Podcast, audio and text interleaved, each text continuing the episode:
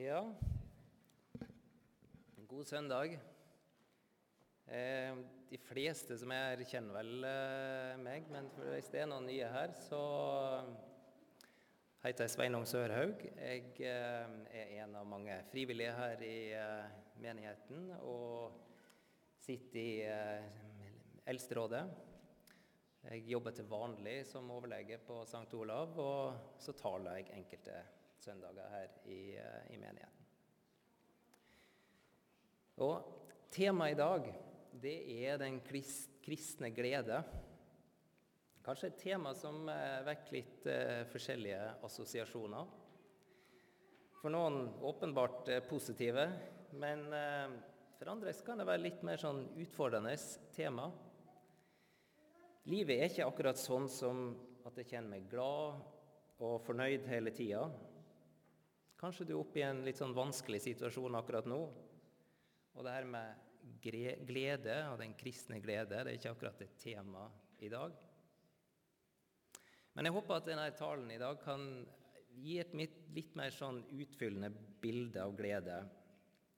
Og så, Som vi skal se, så er denne, den gleden den er nært knytta til denne freden som Gud gir oss og som vi kan få del i sjøl om det er veldig mye annet i livet vårt som ikke skulle eh, gjøre at vi kan kjenne den.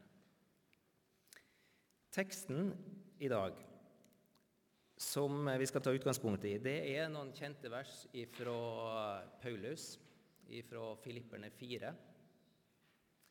Eh, der står der, skal lese det her Gled dere alltid i Herren. Igjen vil jeg si dere, gled dere. La alle mennesker få merke at dere er vennlige. Herren er nær. Vær ikke bekymret for noe, men legg alt dere har på hjertet, framfor Gud. Be og kall på Ham med takk. Og Guds fred, som overgår all forstand, skal bevare deres hjerter og tanker i Kristus Jesus.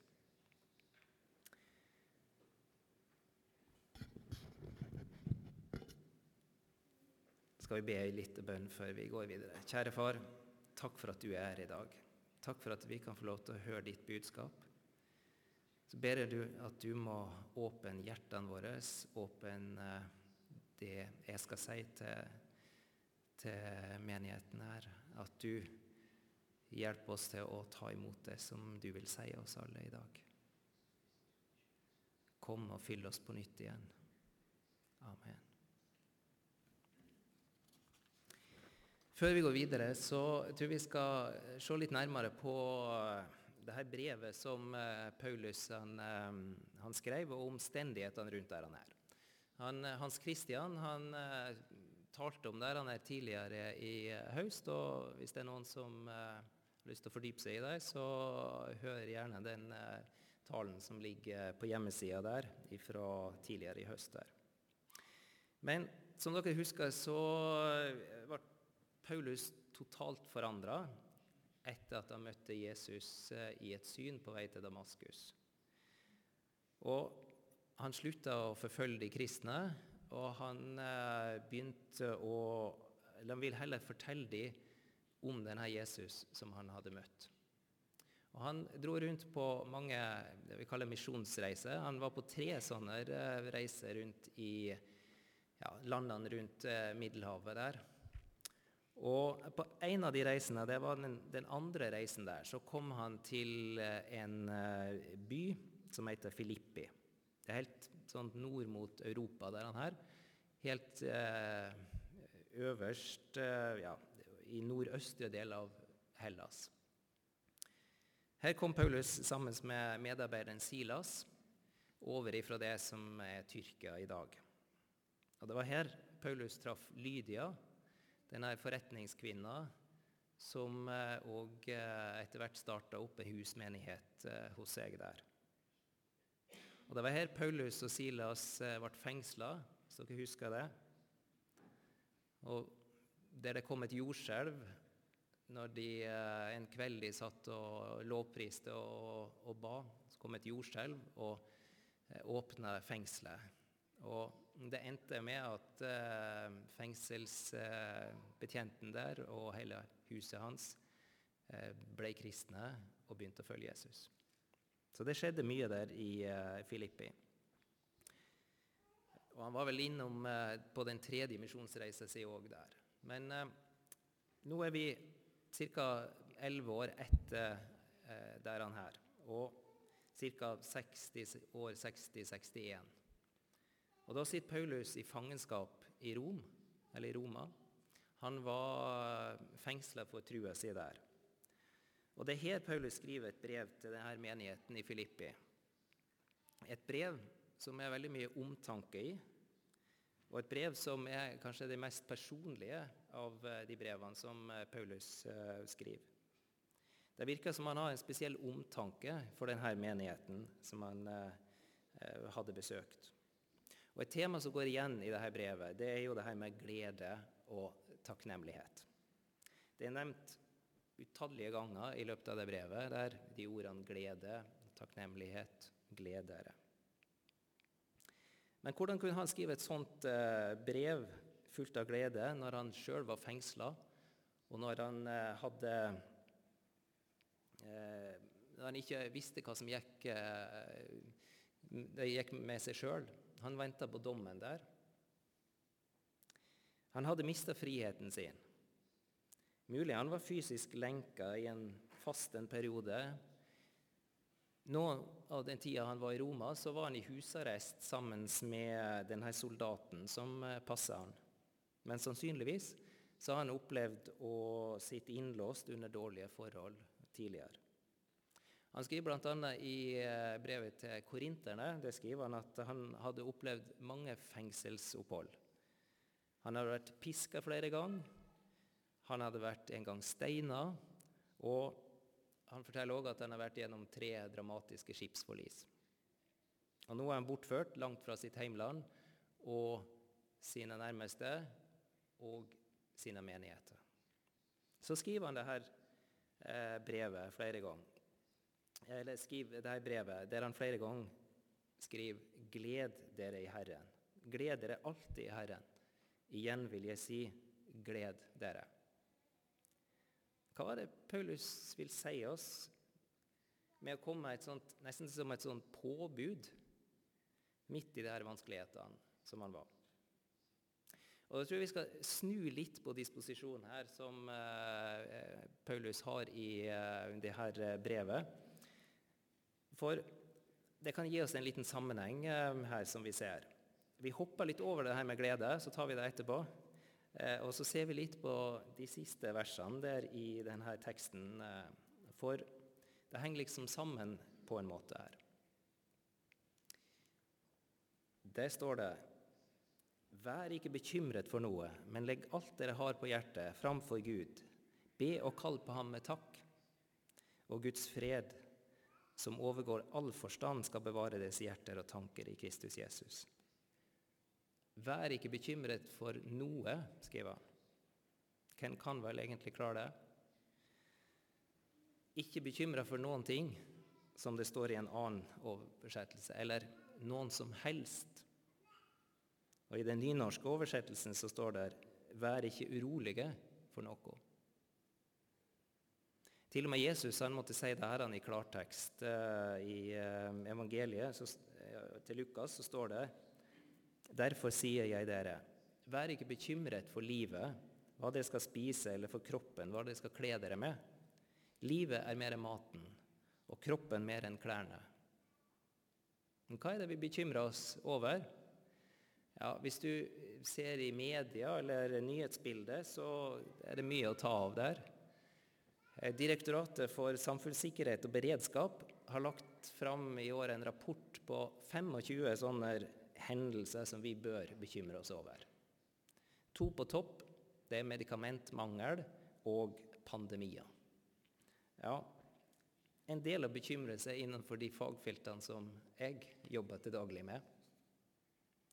Kanskje noen bekymrer seg for andre ting, som eh, klimaendringer, ekstremvær, eller mangel på datasikkerhet. Kanskje de fleste av oss er vel mer At vi bekymrer oss over de nære tingene. De vi har omsorgen for, og de personene som betyr noe for oss. Vi er opptatt av at ungene våre skal ha det godt. At de gamle foreldrene våre har det bra òg.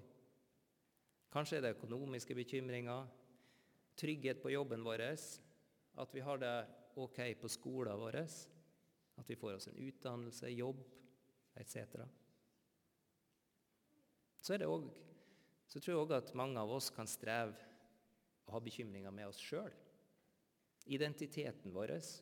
Hvem er vi oppi alt, oppi det her med, med møtet med andre mennesker? Lever vi opp til de forventningene som ligger der, eller som vi tror ligger der? Hva med mine egne forventninger om meg sjøl? Kanskje noen kommer på mismot og følelse av å ikke strekke til, og det å ikke ly å lykkes. Jeg tror mange kan kjenne på det her i perioder òg. Så har vi det her med helsa vår, kroppen vår, eh, bekymringer for sykdom eller redd for å få sykdom. Det er mye der òg. Men skal vi gå tilbake til Paulus, hva var det han råda oss til? At vi alltid skulle legge alt sammen på hjertet framfor Gud. Be og kalle på Han med takk. Jeg vet ikke, kanskje noen som har det sånn som meg her, at på noen områder i livet så kjenner jeg liksom en sånn motstand, en viss motstand mot å følge Paulus sitt råd. Jeg kjenner jo at jeg ønsker å ha kontrollen sjøl. Jeg må jo prøve å fikse det meste sjøl. Det ligger liksom dypt i meg at jeg må jo klare meg sjøl i det lengste. Noen som kjenner seg igjen? Men her tror jeg at vi går glipp av noe større. Noe større som Gud hadde tenkt for oss. Jeg tror vi går glipp av en del velsignelser som Gud vil vise oss når vi skal prøve å fikse alt sammen sjøl. For her ser Paulus at vi skal legge alt vi har på hjertet framfor Gud. Det som opptar meg til hverdags, det som jeg går og tenker på. Det er nesten som Paulus sier, at Gud er som en god venn som en kan snakke med om alt. Og hvis vi åpner opp og legger oss og hele livet framfor Gud, så er det vel som å stole på Han. La Han ta kontrollen og komme med ting som jeg ikke ser, som ikke jeg har løsning på. Men så kan vi spørre oss sjøl hvorfor skal jeg dele dette her med Gud? Er det for at vi skal få det bønnesvaret som vi har tenkt oss? Denne løsninga som jeg sjøl ser for meg? Den som jeg syns er best? Nei. Gud har større tanker om dette enn det jeg har. Jeg tror Paulus vil minne oss om at vi er utilstrekkelige, eller vår utilstrekkelighet. At vi ikke klarer oss sjøl. Sånn som vi åpner oss opp for en god venn og deler livet, sånn vil Gud møte oss òg. Når vi åpner oss for Gud akkurat der vi er, når vi slipper Gud til i vår verden og vår hverdag, så kommer Gud oss i møte. For Gud, han sier gjennom Jeremia For jeg vet hvilke tanker jeg har med dere, sier Herren. Fredstanker og ikke ulykkestanker. Jeg vil gi dere fremtid og håp. Når dere kaller på meg og kommer, til, kommer for å be til meg, vil jeg høre på dere. Dere skal søke meg, og dere skal finne meg. Når dere søker meg av et helt hjerte, lar jeg dere finne meg, sier Herren. Når vi kaller på Gud sånn som det står her, enten det som ei velformulert bønn, eller det som en tanke i oss, eller for noen så er det kanskje bare et sånt sukk i hverdagen, så kan Gud få gi oss noe av det Gud ser at vi trenger. Mange ganger så er det ikke de løsningene eller de svarene som vi har tenkt på. Men det er det til beste for oss, og det er velsignelse som vi ikke så der på forhånd. Paulus han sier i et annet brev her Han som virker i oss med sin kraft og kan gjøre uendelig mye mer enn det vi ber om og forstår. virker oss, i oss med sin kraft. Det er denne krafta jeg tror på. Den som ikke kommer fra meg sjøl, men er fra Han. Det er den som er virksom i meg når jeg åpner meg opp for Han. Og så, hva står det videre i siste delen der? Jo, og Guds fred, som overgår all forstand, skal bevare deres hjerter og tanker i Kristus Jesus. Det virker som det er en sammenheng mellom det å legge livet åpent framfor Jesus og det å kunne kjenne på hans fred. Jesus sier òg der han i Johannes 14.: eh, La ikke hjertet bli grepet av angst. Tro på Gud og tro på meg. Fred etterlater jeg dere. Min fred gir jeg dere. Ikke den fred som verden gir. La ikke hjertet bli grepet av angst og motløshet. Klare ord. Det virker som denne freden er noe som vi kan få uavhengig av de omstendighetene som vi er i. Helt uavhengig av mine følelser eller tanker. Jesus han innser at vi lever i en urolig verden der både engstelse og bekymring og motløshet rår. Men når vi åpner oss opp for Han og retter fokuset på det Han sier om oss, og det Han har gjort for oss, da har Gud en mulighet til å komme til oss med sin fred. En oversettelse skriver her Da vil Gud gi dere av sin fred, den som går dypere enn vi noen gang kan forstå. Hans fred skal beskytte hjertene og tankene deres, ettersom dere lever i fellesskap med Jesus Kristus. Det står at det er en fred som er større enn uh, vår fatteevne, og det går dypere enn det vi kan forstå. Den skal bevare oss, altså hele oss, for det som står her, både hjerte og tanker, i en kanskje kaotisk og utfordrende hverdag.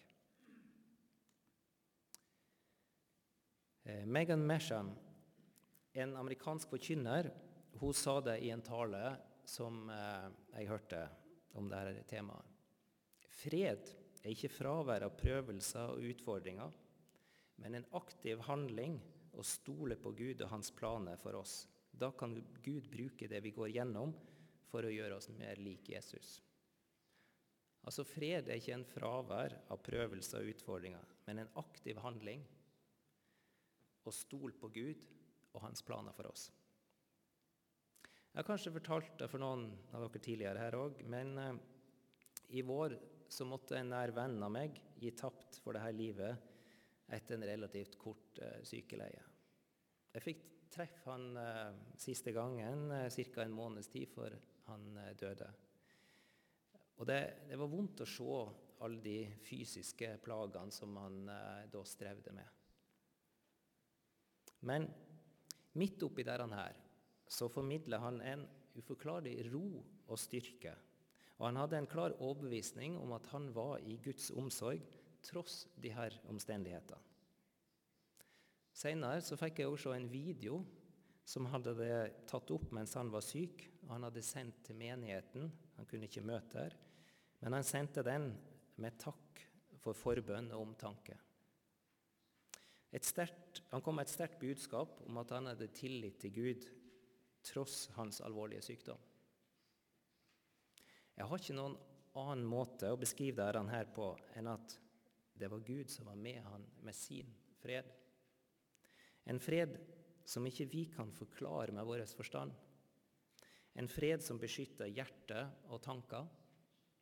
Og For meg så ble dette et veldig sterkt vitnesbyrd om Guds omsorg inn i vår verden her i dag. Men la oss gå tilbake nå, helt i starten, da. Det som var temaet. Gled dere alltid i Herren. Igjen vil jeg si gled dere. Hva er den gleden som Paulus snakker om? Mener Paulus at vi skal være konstant lykkelig og glad og smilende hele tida? Kanskje kan vi se på Jesus, hvordan han var, og gleden der. Jesus sin glede den var ikke en glede som gjorde at han gikk rundt med et smil om munnen og følte seg happy 24 timer i døgnet, sju dager i uka, hele året. Nei, han kunne kjenne på mange forskjellige følelser, men han lot seg ikke overvelde og styre av de. Han kunne bli sint, sorgfull, og han kunne kjenne på ensomhet og engstelse. I noen oversettelser så kan vi lese eh, han her, eh, av de her versene her. Kjenn glede over fellesskapet med Jesus, med Herren Jesus. Ja, jeg sier det en gang til. Kjenn glede i fellesskapet med Herren Jesus. La gleden dere har i Jesus, alltid prege dere. Igjen vil jeg si gled dere. På engelsk Celebrate God all day, every day. Paulus han peker på Jesus når han sier at vi skal glede oss. Vi skal glede oss i Han, eller som det står, kjenn glede i fellesskapet med Jesus. Dette er en glede som eh, kan vare sjøl om omstendighetene rundt oss er vanskelige. Det er en glede som kan vare sjøl om vi ikke kjenner denne følelsesmessig. En glede som ikke styres helt av mine følelser hver dag. Og det det som med Guds fred. Det er en glede som kommer når vi åpner livet vårt foran og legger der han er framfor Jesus, det hjertet er fullt av. Men kanskje trenger vi hjelp til å se hva vi har i Han. Jeg trenger iallfall ofte å bli påminnet om hvor stor Gud vi har, og hva vi har å være takknemlige for. Eh, de fleste av dere har vel hørt eh, sangen eh, 'O Jesus, åpne du mitt øye' av den svenske sangforfatteren Lina Sandell. En gammel sang, kanskje med litt traust melodi, men med en fantastisk påminnelse om hva vi har å glede oss i Jesus. Når jeg satt og skulle forberede denne talen, så måtte jeg flere ganger ta fram Carola sin versjon av den sangen på Spotify og høre den. Hvis dere har anledning, så søk den opp og hør på den. Den er flott. Eh, vi skal synge den i dag mot slutten av gudstjenesten. Men se litt her på på teksten. Kanskje litt sånn gammelmodig språk, men eh, prøv å gjøre det til dine ord da, hos deg sjøl. Vers 1 der så står det O Jesus, åpne du mitt øye, så jeg kan se hvor rik jeg er. Så den første en bønn om å få øye på denne rikdommen, som gir grunn til glede. Og så kommer påminnelsene på rekke og rad videre. Jeg har en Fader i det høye, som Fader omhu for meg bær. Altså, Vi har en far som vi kan gå til, en far som alltid er det for sine unger, og som vil ungene sine det beste. Jesus han sier i Matteus der når selv dere som er onde, vet å gi barna gode gaver, hvor mye mer skal da ikke den far dere har i himmelen, gi gode gaver til den som ber han? Vi har en far som ikke bare vet å høre oss, men han òg gir oss gode gaver som han ser vi trenger. Vers 2 der òg. Jeg har en bror som ved min side vet om min sak og ber for meg. Jeg har en nådestrøm så vide som himmelens hvelving strekker seg. Ser du rikdommen som gir grunn til å glede i alle omstendigheter? Jesus er som en nær bror og som vet om meg, og som ber for meg. En bror som er der, og som jeg alltid har en relasjon til, som en annen bror. Venner kan komme og gå, men bror er der. Jeg har en nåde som er uten grenser. Jeg kan få komme der med hele meg, med alt det jeg har gjort, det jeg skulle ha gjort, alle de dumme tingene jeg har sagt, og få tilgivelse for det uten begrensninger. Et nådehav eller nådestrøm, så det står der. Vers 3 og 4.: Jeg har en talsmann tro i nøden, en trøster og en hjelper god. Jeg har et evig liv i døden, en evig fred i Jesu blod. Jeg har et evighetens rike, et nåderike, det er sant. Jeg har en krone uten like, en arv som Jesus til meg vant.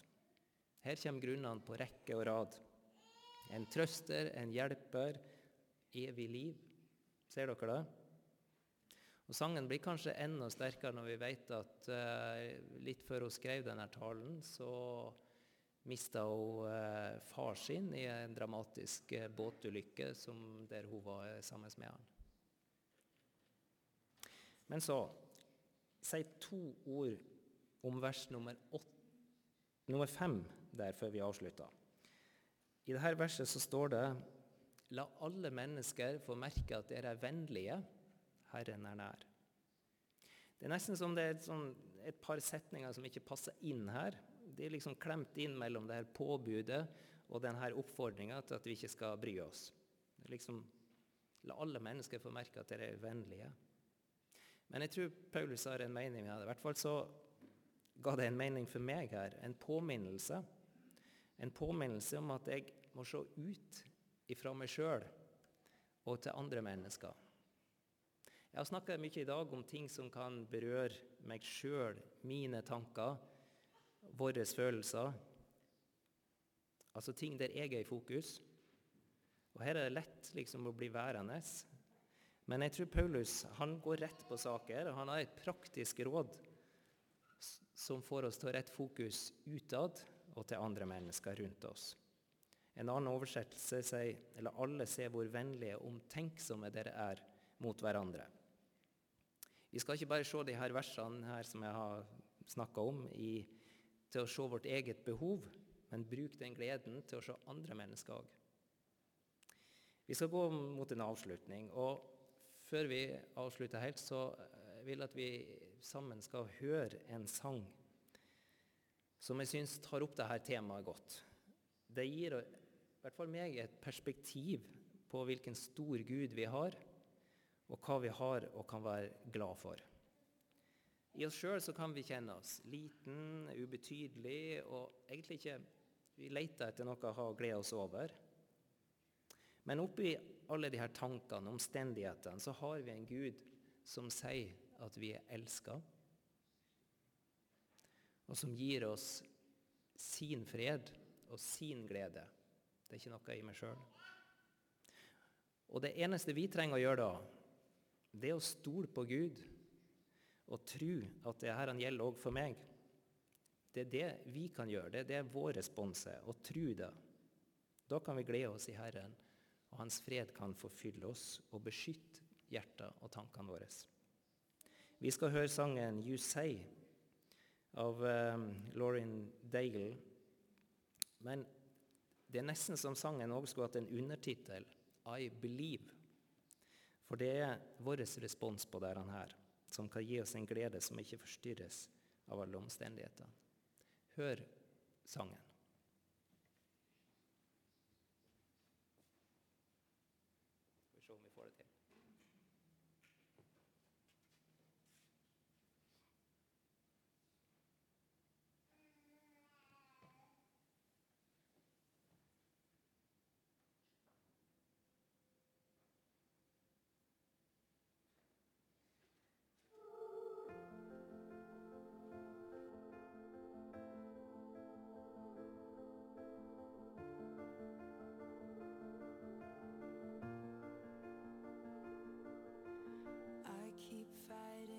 Voices in my mind that say I'm not enough.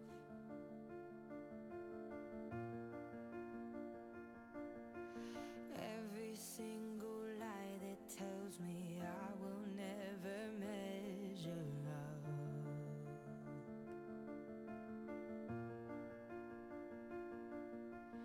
Am I more than just the sum